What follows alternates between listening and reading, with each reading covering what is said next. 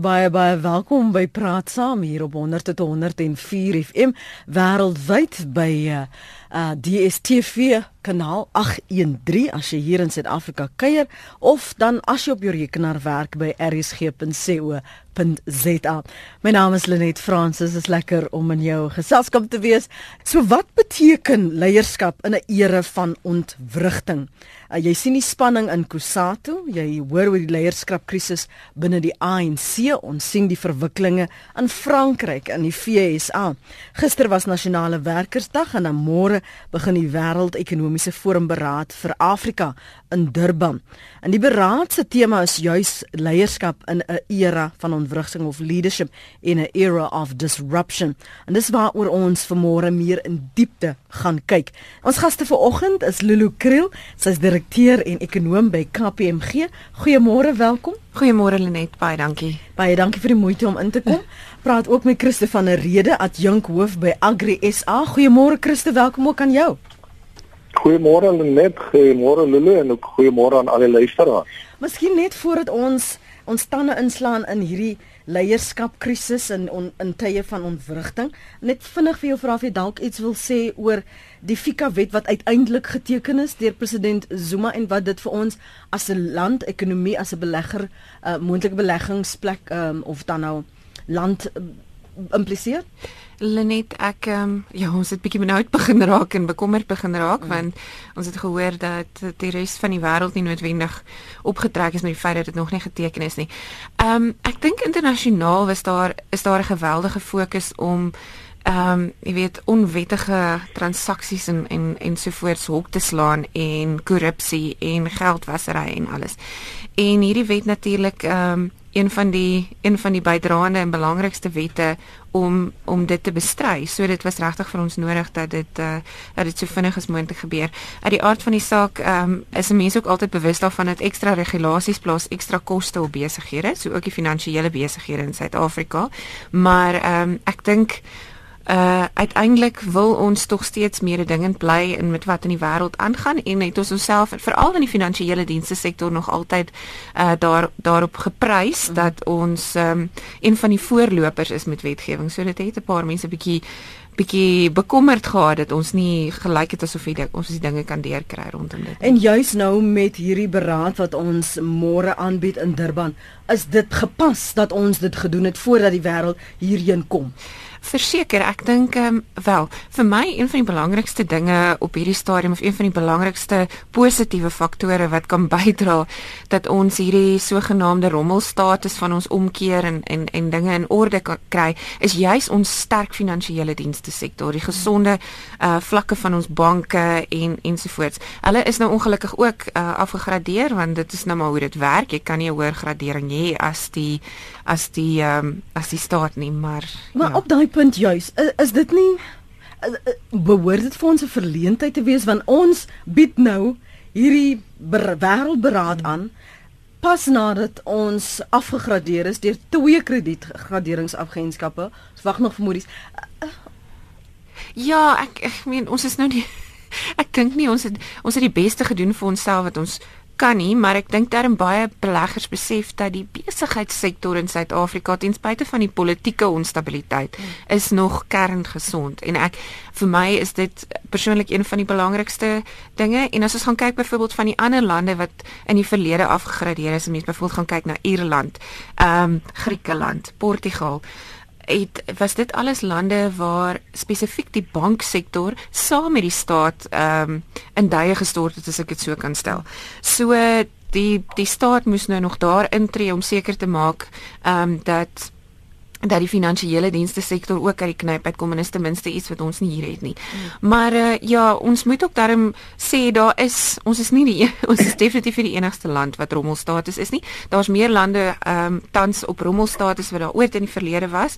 Daar's meer lande wat afgegradeer is uh die laaste paar jaar is ooit in die verlede, maar natuurlik is dit nou nie iets om op trots te wees nie. Maar nou hoor ek ook sommige ekonome verwys daarna nie as rommelstatus maar subbeleggings. Subbeleggingstatus, ja. Ja, dit is dit is die ehm um, ek wil nie sê polities korrek nie, maar dit is ek dit is die tegniese term. Dit klink beter. Ja, dit klink beter. Ja. Ek dink dis wat ja. dis wat die mense spin. Ja.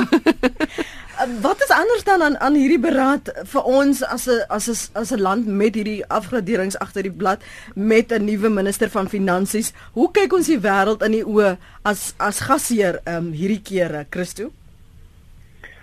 Kyk, hierdie beraad gaan baie spesifiek oor die ekonomiese uitdagings, maar ook ekonomiese geleenthede in Afrika. Nou Afrika is 'n besonderse vasteland want uh, nie net beskik ons oor die hulpbronne nie, ons beskik ook oor uh, die mense. Ons praat in die sosiale wetenskappe praat ons van 'n demografiese dividend. Ons praat van 1 miljard jong mense by 2050. Eh uh, dan sit ons ook uh, met geweldige politieke dinamikas en veerkragtigheid op die vasteland. Nou eh uh, dit gesê sit ons ook met baie baie uitdagings. Uh nommer 1 is onderwys, gebrek aan infrastruktuur, jy weet hoë vlakke van korrupsie, uh ook uh, klimaatsverandering en al hierdie tipe van goed. So die beraad gaan baie spesifiek fokus op uh hierdie uitdagings, uh ook op die geleenthede. Maar om al hierdie goed te ontsluit en om vir al die uitdagings aan te spreek, het ons baie baie goeie leierskap nodig. Maar ook uh baie baie goeie beheer in uh, veral oor sisteme en regeringsstelsels, finansiële stelsels om seker te maak dat ons uh al die geld wat uh, invloei uh, na die vasteland, toe laat ons hierdie geld so benut dat dit werklik waar ons stelsels verder ontwikkel vir al infrastruktuur maar ook dat ons mense ontwikkel want dit help dat die geld beland in mense se sakke. Uh jy weet en dit word misbruik nie. So uh, ek sien nogal uit na wat uit die beraad gaan kom en ek hoop uh, dat daar baie praktiese oplossings sal kom. Maar as daar nie die politieke wil is om die uitdagings aan te spreek nie, uh, dan is dit bevrees dan bly dit ook maar net 'n talkshop aan die einde van die dag. Uh, net 'n talkshow aan die einde van die dag. Wel, ek is nogal ongelukkig het, het ons as 'n kontinent die die etiket gekry dat ons 'n klomp praters is en nie vreeslike doeners nie. Maar dis nou nogal vir my interessant om te kyk byvoorbeeld wat in Tansanië gebeur het um, met uh, met die president daar wat ek dink wat is dit 20000 staatsamptenare? As ek nou die regte 9 sê Jody. 9 okay dankie Jody. Um, in die pad gesteek het omdat hulle nie hulle werk doen nie. En uh, die president daar wat dit baie duidelik gemaak het van hy in um, in in bewind gekom het dat hy definitief dinge wil verander. Almal hou nou nie natuurlik van die manier waarop hy dit doen nie, mm -hmm. maar ja, ek ek dink dit is interessant om te sien dat daar sulke uh dat daar plek plek uh hierdie hierdie hierdie honger is om dinge reg te kry en ek hoop dis 'n dis 'n vuur 'n positiewe vuur wat kan aansteek vir die res van die kontinent. Um ongelukkig ja, is ons op 'n punt waar ons definitief nie genoeg handel dryf met mekaar nie en uh waar ons waar kapitaal eintlik ons ons is net daar's 'n netto uitvloei van kapitaal op hierdie stadium hmm. uit uit die uit die kontinent uit. En net 10% van die handel wat ons dryf, dryf ons met mekaar. So dit is van die van die sake wat ons al vir 'n geruime tydjie vir mekaar sien ons moet aanspreek en ek stem saam met Christo. Ek hoop regtig ons kom met 'n paar praktiese voorbeelde en praktiese ehm um, praktiese uh veranderings hmm. uh, na dese wat ons Maar na wie kyk jy dan? Ek, ek gaan nou vir jou kans gee Christo, ek hoor jy jy wil gou iets sê. Na wie kyk jy dan veral binne Afrika as dit blyk asof almal 'n leierskapkrisis ervaar? Ja. Dit is interessant die groot sterk ekonomie as ons nou maar kyk na Sub-Sahara Afrika want ehm um, die res van of Noord-Afrika baie keer word meer gesien as deel van van die van die ehm um, Midde-Ooste. Ag ehm um, um, die die ehm um, ekskuus nou ek my kop heeltemal vas. Hulle word meer gesien as die res van die uh, deel van die res van Europa en so voort. Ehm um, maar as ons kyk na Sub-Sahara Afrika, is dit interessant, dis nie die groot sterk ekonomie tradisioneel die die Nigeriërs en die Suid-Afrikas wat op hierdie stadium na vore tree met met inu, met ja met inu, in in Egipte met innoverende en nuwe idees nie dis die kleintjies dis die Ethiopiërs en die Rwandas en die ehm um, die Tansaniërs ensovoorts wat wat dr drasties en dramatiese goed doen en ek dink dit is interessant en en ons het regtig 'n paar goed wat ons kan leer van daar. Hmm. Christo? Ja, ja kyk net die wêreld so oos natuurlik op hierdie lande wat hulle nou daar verwys het vir al in terme van hulle ekonomiese groeikoerse. Nou baie van hulle, jy weet, van die goed is maar van 'n lae basis af. Maar Ivoorkus byvoorbeeld het uh, in 2017, jy weet, 'n geskatte groeikoers tot op hede van 8%. Uh Ethiopië 7.5, Ghana 7.4, Tanzanië 7.2, Senegal 6.8, selfs Kenia 6.1, Rwanda 6% uh, Burkina Faso uh, en dan ook uh, die uh, Ugandese doen ook baie goed mm. en dan ook Mosambiek. Uh Suid-Afrika wat veronderstel is om hierdie groot leier op die vasteland te wees, sukkel om ons kop bo kan die 1% te lig. Mm. Uh so dit sê vir my baie van die tipe van visionêre leierskap in daardie lande en ons kan werklik waar by hulle uh, iets gaan leer. En ek dink wat hulle baie reg kry is dat hulle skep 'n omgewing vir entrepreneurs om te wil kom belê. Uh en hulle maak ook seker dat mense uh, 'n uh, goeie wins uh kry op hulle beleggings. -hmm. Uh in Suid-Afrika is ons besig met allerlei verkeerde politieke uitsprake. Jy weet ons is besig met die goed wat lande soos Ethiopië, Ghana en Tansanië agtergelaat het maar ons dink uh, deur middel van hierdie populistiese uitsprake en allerlei jy weet uh uh uh uh, uh jy weet uh inmenging mm -hmm. in die mhm. ekonomie -hmm. en soort van die uh gesentraliseerde benadering tot die ekonomie gaan ons dinge maar gebeur in Suid-Afrika. Nou jy kan dit doen as jy 'n baie sterk en 'n skoon regering het. Maar ongelukkig sit ons vandag met 'n uiters swak regering in die land. So uh, hoe so 'n regering nog kan probeer om uh, beheer te neem oor die ekonomie gaan my verstand te bowe. Mm. Uh, ek dink uh, ons moet baie meer ruimte skep vir die private sektor en veral uh vir internasionale investeerders want ons het uh jy weet Lulu het verwys na die geweldige kapitaaluitvloei uit Afrika. Ons het kapitaalinvloei nodig sodat ons daai kapitaal kan gebruik om die lande verder te ontwikkel. Dit is wat my die hele tyd verstom het keer op keer want die graderingsagentskappe her uh, gedurig verwys na die politieke bestendigheid. Ja. En en as 'n strateeg sou jy jouself indink en vra maar dan as dit is wat verlang word um op die lange duur ook dan doen ons die regte ding in ons feit maar hier onderlangs dat niemand sien ons beklei nie maar ons doen wat nodig is om juis daardie al is dit ook 'n illusie maar die die die sein te stuur dat dit is waaraan ons werk. Ek dink Lenet, ek kan nie met jou meer saamstem nie, maar ongelukkig is dit presies die teenoorgestelde wat ons doen, want ek dink uh persoonlike belang het lankal uh die landsbelang en die en die belang van van die van die kiesers in die breë uh Jan Alleman in Suid-Afrika begin oortref. Ek dink op hierdie stadium is dit 'n geveg vir vir oorlewing uh van 'n politieke perspektief af. So jy's heeltemal reg. Mense gaan nie altyd oor alles saamstem nie en sekere tye gaan ehm um, sekere tye gaan daar dinge wees wat wat in die openbaar kom, maar op hierdie stadium die boodskap wat ons uitstuur is dat ons het geen idee waar ons op pad is nie. Die klomp trek daai kant toe, daai klomp trek daai kant toe. Ons praat radikale ekonomiese transformasie, maar niemand lyk of hulle op dieselfde bladsy is van wat presies dit beteken nie. En as daar een ding is wat beleggers niks van nou nie is dit onsekerheid. En vir hulle is daar is daar basies drie goed waarna hulle kyk. Hulle kyk na wat soos wat Christo gesê het wat en as ons kan kyk na hierdie ander lande, die opbrengs wat hulle kan kry, mm. die risiko en die onsekerheid waarmee hulle moet saamwerk. En selfs as daardie risiko redelik hoog is, maar hulle weet wat die beleid is in in die raamwerk waarbinne hulle werk. Ehm um, is hulle is hulle baie baie kere ge, geneig om te belê in 'n land, maar in Suid-Afrika op hierdie stadium sit ons met hoë risiko en lae opbrengs. So wie sal wil kyk daarna? Maar, ja, maar net ek wil vanstel met jy weet ons land is nie op 'n goeie plek nie. Ons het te veel mense wat afhanklik is van 'n loopbaan in die politieke omgewing. Dit sê dit op plaaslike vlak is, provinsiale vlak, binne in die politieke partystrukture en op nasionale vlak. Uh daar's 'n ou gesegde wat sê daar's niks wat armoede so dryf soos werkloosheid nie.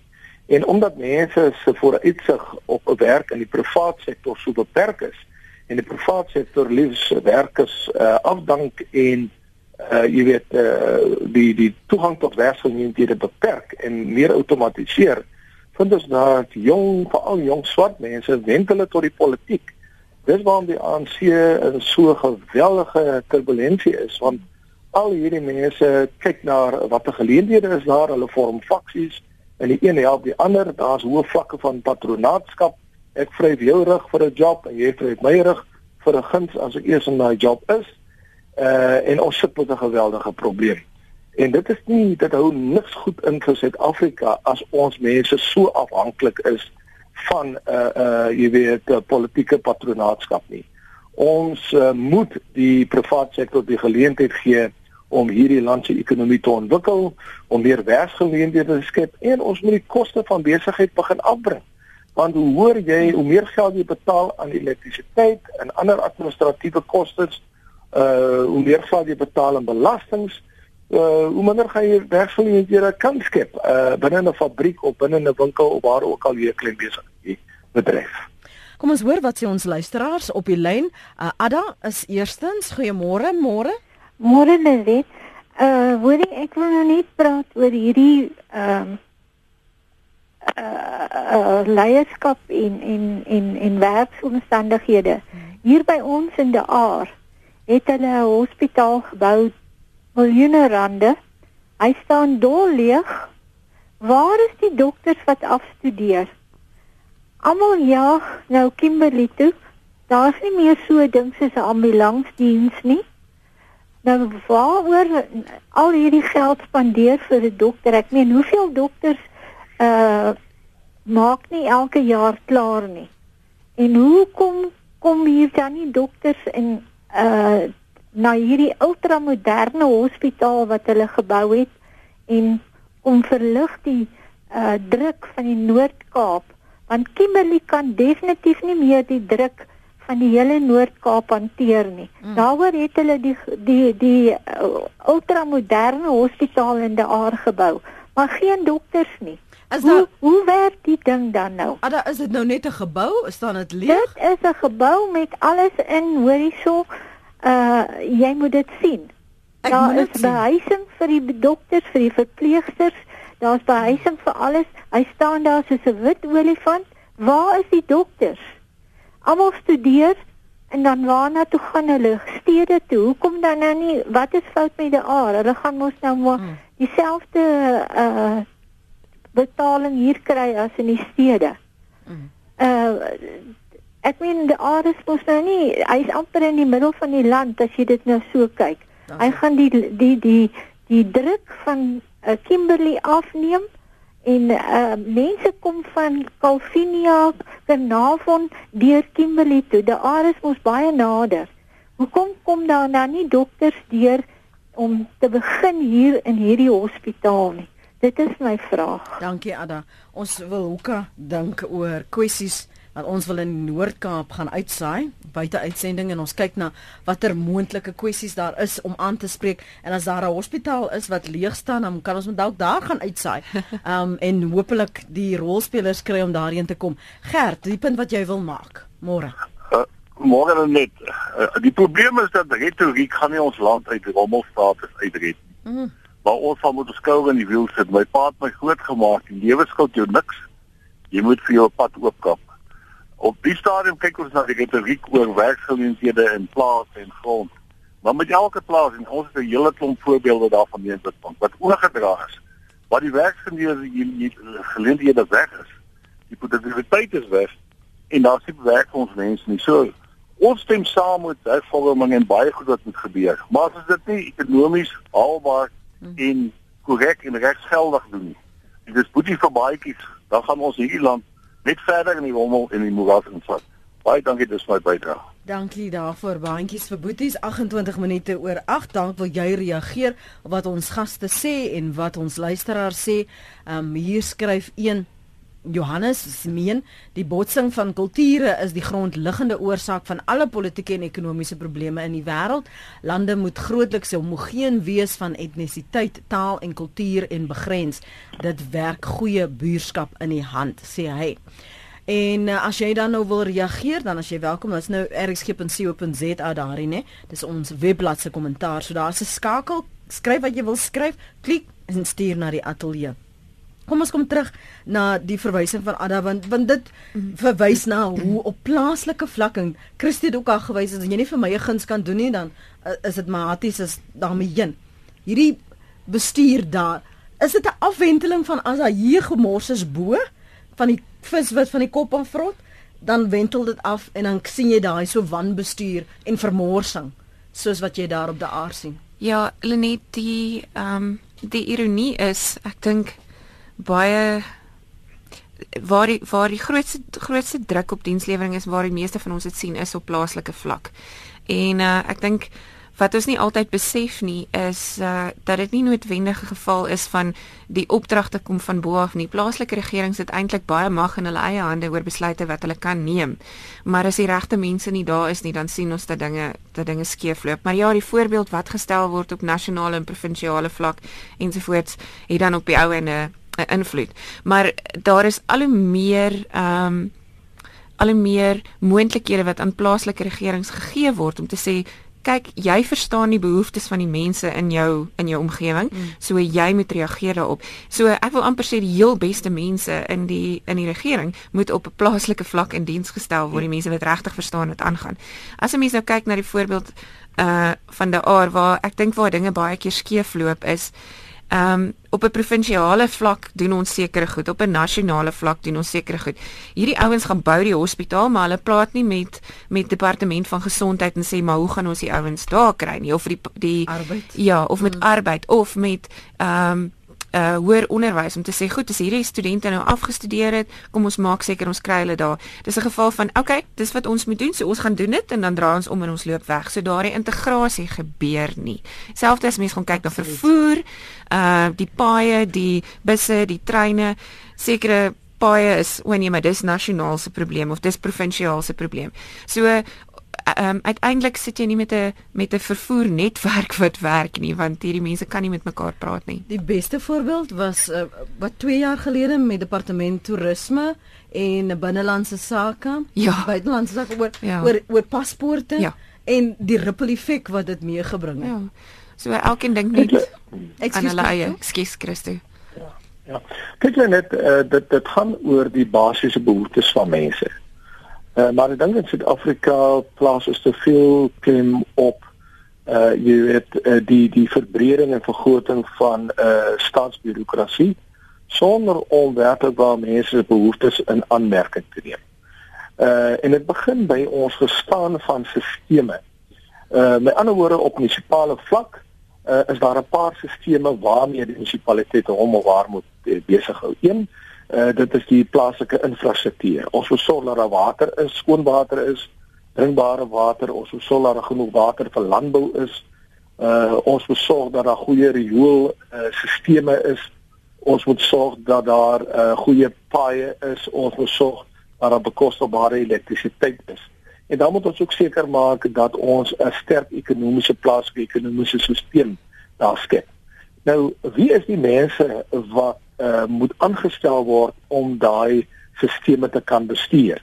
Uh dan moet ons mos so seker maak dat die mense oor die nodige kwalifikasies beskik, dat die mense visionêr dink en laat die mense die sisteme prioritiseer en nie die politieke uh jy weet uh, behoeftes uh van uh spesifieke politieke partye nie. Uh en hierdie ding speel op verder tot op nasionale vlak. Jy weet in 'n land waar daar gebalanseerde stelsels is, stelsels wat geoptimaliseer word, wat effektief bestuur word, gaan dit baie goed. Jy weet ons ons onderwysstelsel werk op hierdie oomblik nie baie goed nie. Ons energiesisteem is 'n bietjie wankelrig. Uh ons infrastruktuur val plek plek plat. Uh dan ons ekonomiese en handelsstelsel. Uh jy weet wat sit ons op plek om seker te maak dat ons baie dingend is en dat ons met die beste in die wêreld kan kan meeding uh, dan ons voedselvoorsieningssisteem. Hoe maak ons seker dat die groot boere, die klein boere almal deel vorm van die stelsel en dat hulle kwaliteit produkte lewer? En dan ons tegnologiese stelsel. Jy weet, uh, en ook ons omgewingsstelsel. So uh, ons baie meer sistemies begin dink. Maar as jy nou kyk wat gister by die Meyer Rallies gebeur het, mm. waar uh, daar soveel politiek gespeel word. Uh, jy weet, uh, en en werkers is nie Jy weet hulle voortbestaan hang nie af van politiek nie. Hmm. Hulle voortbestaan hang af van stelsels wat werk. Want as 'n stelsel platval, dan se werkers onmiddellik word hulle eerste eh, afgedank en sit hulle by die huis aan die einde van die dag. So in Suid-Afrika moet ons ons denke totaal reoriënteer. Jy weet om seker te maak dat ons stelsels werk en dat ons op dié manier werk skep en vooruitgang en modernisering teweegbring. Ons gaan nou-nou verder praat oor die implikasies van hierdie onwrigtende omstandighede en hoe floreer leiers en leierskap in in so 'n omgewing want wie styg uit en wie bloei dood. Um Teresa het 'n punt om te maak voor sy vinnig weer vertrek. Môre Teresa? Goeiemôre Lenet. Weet jy ek um reis gereeld in Afrika en ek was laas week weer in uh, Kenia in Nairobi gewees. Ek het laas jaar vir 4 maande daar gewoon. En um dit het my mond um ek kon moes ek toehou permanent om te sien hoe innoverend Jan Publiek is. En ek dink dit is waar daar in Suid-Afrika 'n enorme probleem is. Ons het hier wat wat hulle praat die Engelse terme uh barriers to entry. So dis die dinge wat jou daarvan weerhou om die mark te betree. Daardie mense laat nie vir hulle afsit deur 'n barrier nie. 90% van Kenia se melkvoorsiening word op klein boerskaal verskaf ehm um, hulle het op elke hoek en draai 'n 'n teewinkeltjie wat jy nie naaste by kan vergelyk met ons coffee shops nie. Dit is baie basies, maar weet jy wat? Jan de Blik stop daar op pad werk toe en hy drink sy teetjie. En die persoon wat daai winkeltjie bestuur, het vier tafeltjies en toe ek nou die dag daar was, was 'n spesifieke een waar ek altyd gestop het want ja. mens kan regtig maar die tee drink, jy gaan nie doodgaan nie, jy gaan nie siek word nie.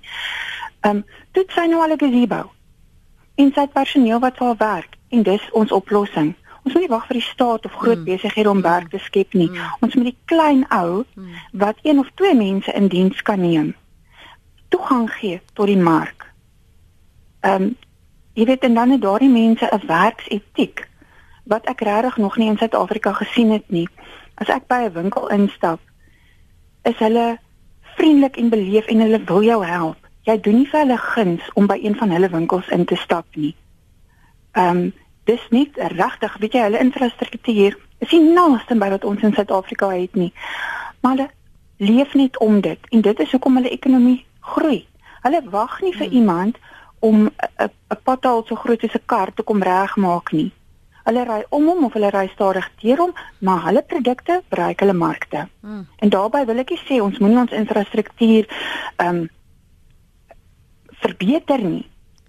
Maar ek het in my opleiding laasweek het ons 'n bespreking gehad. Wat doen ons? Neem ons hulle werksetiek en bring dit Suid-Afrika toe. Vat ek Suid-Afrika se infrastruktuur sien toe om te gaan kyk wat gaan die verskil maak.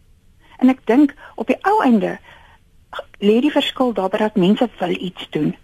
Daardie mense het glad nie 'n bakhand houding nie. En hierdie het niks met ras uit te waai nie. Mm, mm, ja, tuurlik. Hulle wil werk. Hy wil ekonomies aktief wees. En weet jy waar groei jou ekonomie?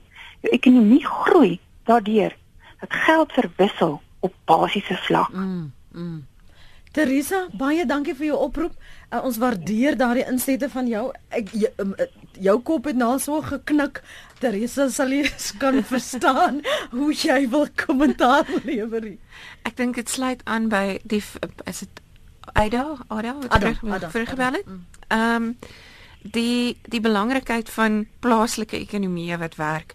Ons stede kan nie die druk hanteer van mense, al hoe meer mense wat inkom ehm um, en hier probeer soek vir werksgeleenthede nie.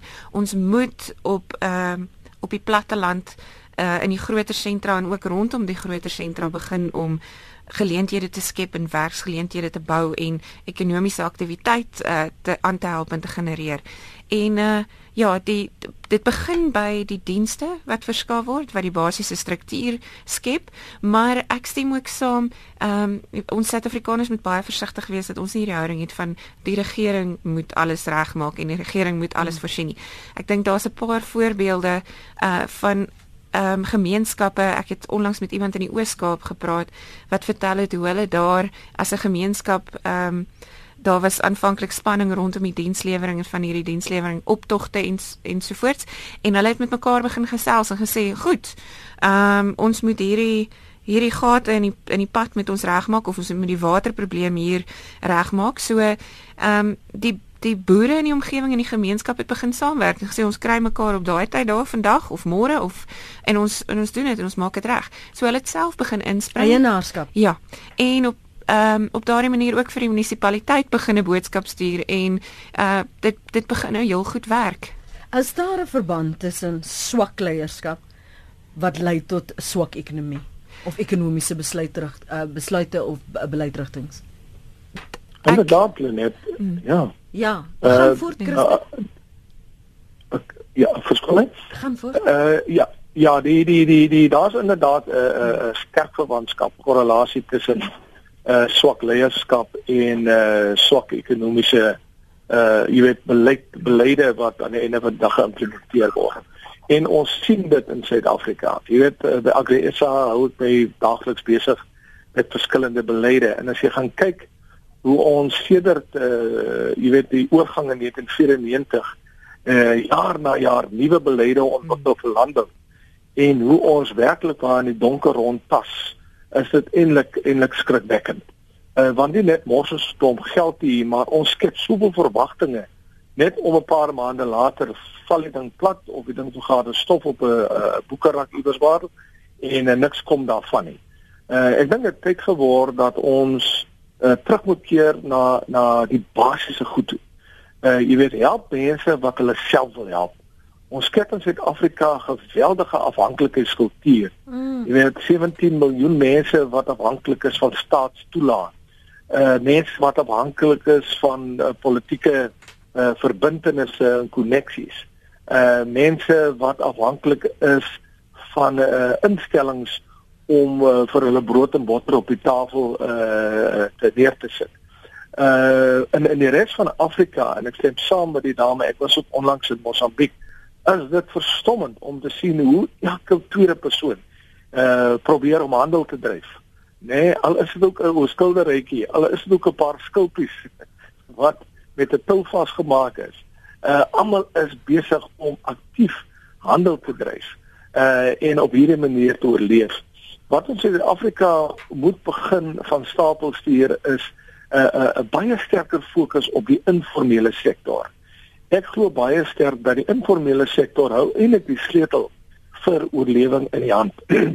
en dit is waarom ons munisipaliteite is vir baie meer moet doen om weer die ou markkonsep uh, te ontwikkel waar mense kan kom en handel dryf weet plaaswerkers wat skaap of 'n bees aanhou iewers waar in 'n op 'n boer se plaas kan daai goed bring na die mark toe. 'n Munisipaliteite kan investeer in 'n klein slagpale hmm. sodat mense hulle goed kan kom uh, slag op 'n higiëniese manier en dit dan uh jy weet uh, verpak sodat dit kan verkoop word op 'n Saterdagoggend of deur die week.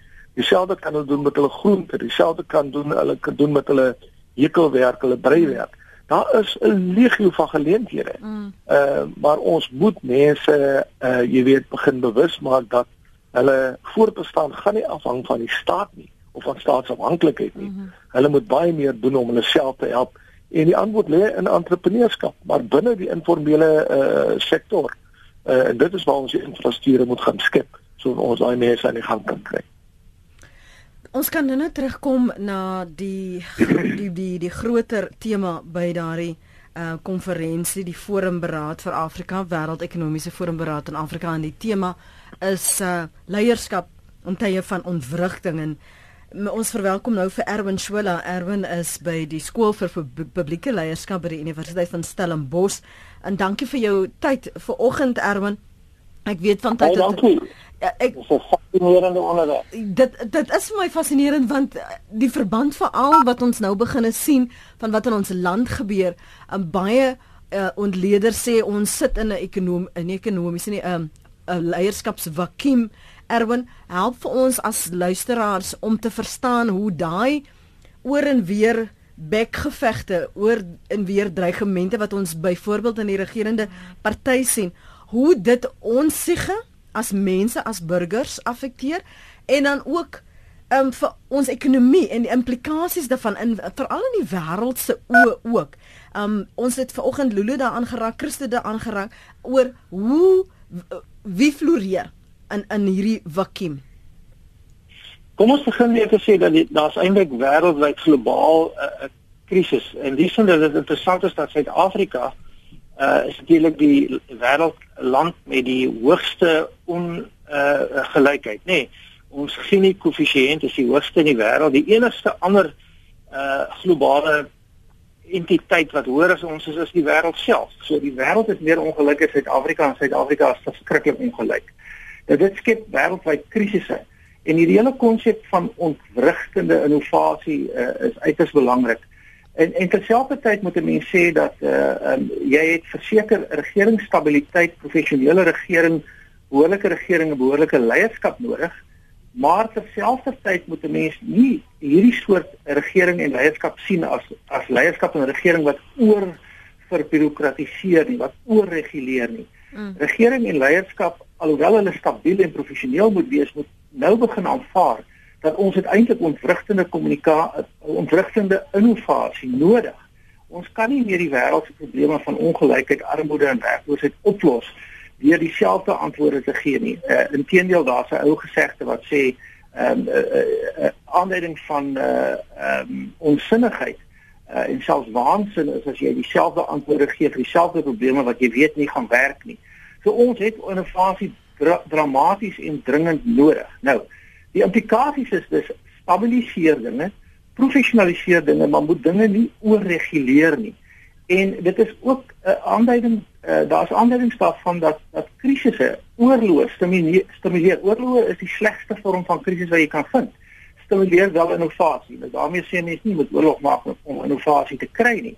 Maar krisisse lei daartoe dat mense nie begin dink oor dinge. En ek dink Suid-Afrika om na Suid-Afrika toe te kom ons sit met die dilemma dat ons hier weer eens 'n 'n wisselwerking het tussen 'n stel moderne mense um, wat eintlik ons sien as as as byna ontwikkeld en dan stel um, mense wat absoluut nodig het dat daar nuwe denke moet wees, nuwe innovasies moet wees. En ons is voortdurend in hierdie spanning.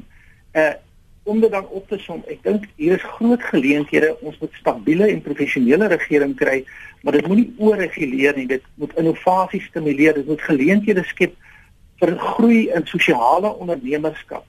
Hmm. Ons hier by die Universiteit van Stellenbosch se uh, uh, uh, sosionovus afdeling wat ons besig om te skep, gaan kyk na hierdie ontwrigtende innovasie en werk spesifiek saam met plaaslike regerings in sosiale laboratoriums om hierdie goed te eksperimenteer, dan met prototipes te skep en uiteindelik te laat werk moet nou net vir jou onderbreek. Dankie Erwin vir dit want dit skep nou onmiddellik vir my eh, 'n uh, vraag.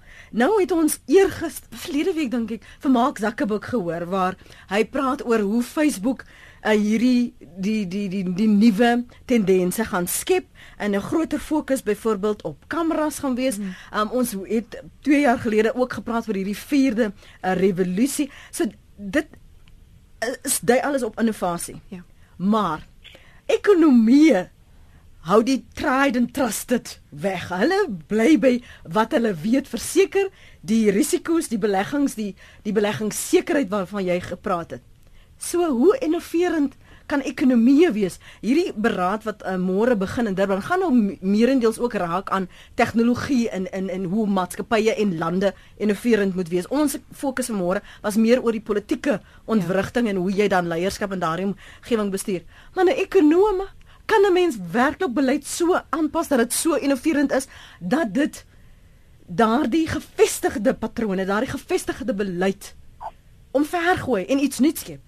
Ek dink die, die belangrike ding ehm um, is dat ekonomiese beleid moenie moenie ehm um, 'n beperkende faktor wees nie. Dit moet iets wat net 'n ondersteunende faktor is en ek wil saamstem uh, met Erwin rondom ehm um, regulasies. Ja, daar is sekere regulasies wat nodig is en so, maar 'n uh, mens moet baie versigtig wees om nie te oorreguleer nie. Die belangrike ding is dat ekonomiese beleid moet net 'n uh, stimulerende speelveld skep ehm um, vir vir besighede om te floreer.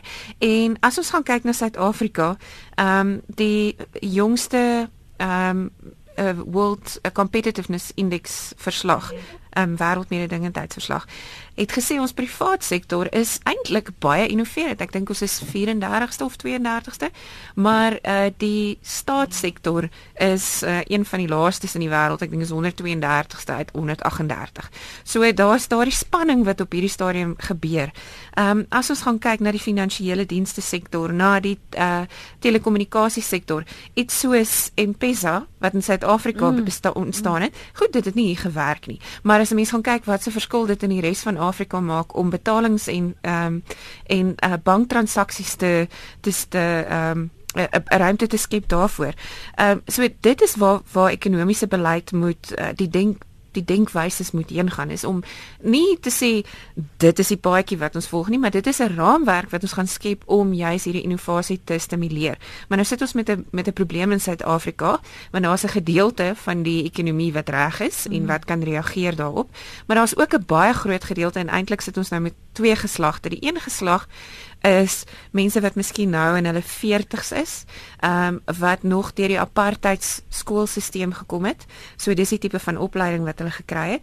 Ehm um, meestal ongeskoold of of um, slegs half geskoold. So hoe skep jy werksgeleenthede vir hulle? Want jy gaan hulle nie noodwendig nou onmiddellik in daardie ekonomie kan indruk nie, maar ons kan miskien deur innoverend te dink vir hulle geleenthede skep in so 'n tipe ekonomie. En dan ongelukkig het ons ehm um, nagelaat om ons onderwysstelsel in die 2024 jaar sedert demokrasie daardie volgende geslag ook um almal reg te maak hmm. vir hierdie nuwe ekonomie. So ons sit nou eintlik met twee geslagte wat ons dit mee moet doen, maar dan ook een groot gedeelte van die ekonomie wat wat reg is om te sê maar ons kan hierdie geleenthede gebruik. Die vraag is net, hoe gaan ons in Suid-Afrika sê Um ons sit met hierdie unieke probleem vir mense vir wie ons met werk skep en hoe kan ons hierdie innovering gebruik om hmm. om dit juist te doen? So Lenet, ja. Ek wil net daarbey aansluit. Kyk, eh uh, tegnologie uh, dryf ontwrigting. Uh, as jy byvoorbeeld gaan kyk na die die die die die opkoms van die internet, uh hoe dit uh, die hele wêreld uh, uh in die manier van dinge doen ontwrig het in 'n totaal ander rigting gesteer. Uh as jy gaan kyk na 'n uh, ding soos die selfoon, uh dit het ook uh baie ontwrigting ingewerk. Uh, Deesdae het mense nie meer die standaard hulle huis nie. Hulle gebruik die selfoon. Nou uh kom ons gaan kyk wat in Afrika aan die gebeur is. In Afrika sien ons dat amper 82% uh, persent van die totale bevolking in Afrika het almal 'n selfoon. Sommige ons het glad twee selfone. Uh maar slegs 15% uh, van alle Afrikaners het toegang tot die internet. Uh so dit help nie baie as jy wel 'n selfoon het en jy kan basies met mekaar kommunikeer nie. Uh maar jy het nie toegang tot uh, die allerlei uh, onwrigtende uh, toepassings mm. wat deesdae ontwikkel word om uh, mense in kontak te sit en hulle kan handel dryf en hulle kan 'n klomp ander goed daarmee doen nie. So uh, wat ons op moet fokus is verdere waardeontsluiting. In ander woorde, 'n mens moet verwag dat regerings hulle absoluut sou toespits op die skep van nuwe infrastruktuur sodat mense as ons groter deel van bevolkings toegang het tot die internet maar meer nog, hulle sou seker maak dat hulle die koste van data mm. uh minimaliseer, want dit is een van die goed wat mense se toegang tot die internet beperk. Uh en dwars uh, in in lande wat uiters gemoderniseerd is en ver ontwikkeld is, sien ons dat toegang tot data en toegang tot die internet is bekostigbaar vir alles en almal. Mense het toegang tot wifi en al hierdie tipe van goederes. So daar het jy 'n uh, ding wat regering op kan toespits en dit kan 'n totale omswaai en 'n manier van dinge doen teweegbring byvoorbeeld oor die kontinent van Afrika. Gee weer elkeen 30 sekondes gee Lulu ons gaan by jou afsluit maar gaan by Erwin begin. Erwin, um, in 'n tyd of in 'n era van ontwrigting, leierskap in in hierdie tyd, wat is die toets? Wie vlieg en wie vou volgens jou? binne 30 sekondes asseblief. Daar's 'n daar's 'n mooi ou gesegde en strategie dat jy moet 'n uh, paddasoen om hulle prinses te maak. So uh, uh, uh, ons het al die elemente hier van die nuwe moontlikhede ons net die kaleidoskoop draai. Leierskap moet die geleenthede skep dat mense hulle inisiatief kan gebruik en ons moet ook aanvaar dat uh, tegnologie moet uh, in diens van die mense staan. Tegnologie moet 'n sosiale toepassing hê. En ons moet net 'n leierskap kry wat uiteindelik wel professioneel is, maar ook aanvaar dat hulle kan en moenie alles probeer beheer nie. Goed. Uh, Christo 30 sekondes. Ek dink politici moet minder fokus op hulle persoonlike welvaart skipping en hulle persoonlike nalatenskap. Politici moet begin fokus op die plan van bome, vrugtebome wat vir die totale gemeenskap kan vrugte dra en dit behoort elkeen se nalatenskap te wees. Lulu, ek dink ons as Suid-Afrikaners moet besef dat jy hoef nie in 'n politieke magtige posisie te wees om 'n leier te wees nie. Ek dink van die van die grootste leiers op hierdie stadium in die wêreld is nie politici nie.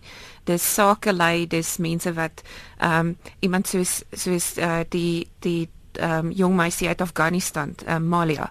Is ehm um, dit dit is die leiers van vandag, is nie die politieke leiers nie.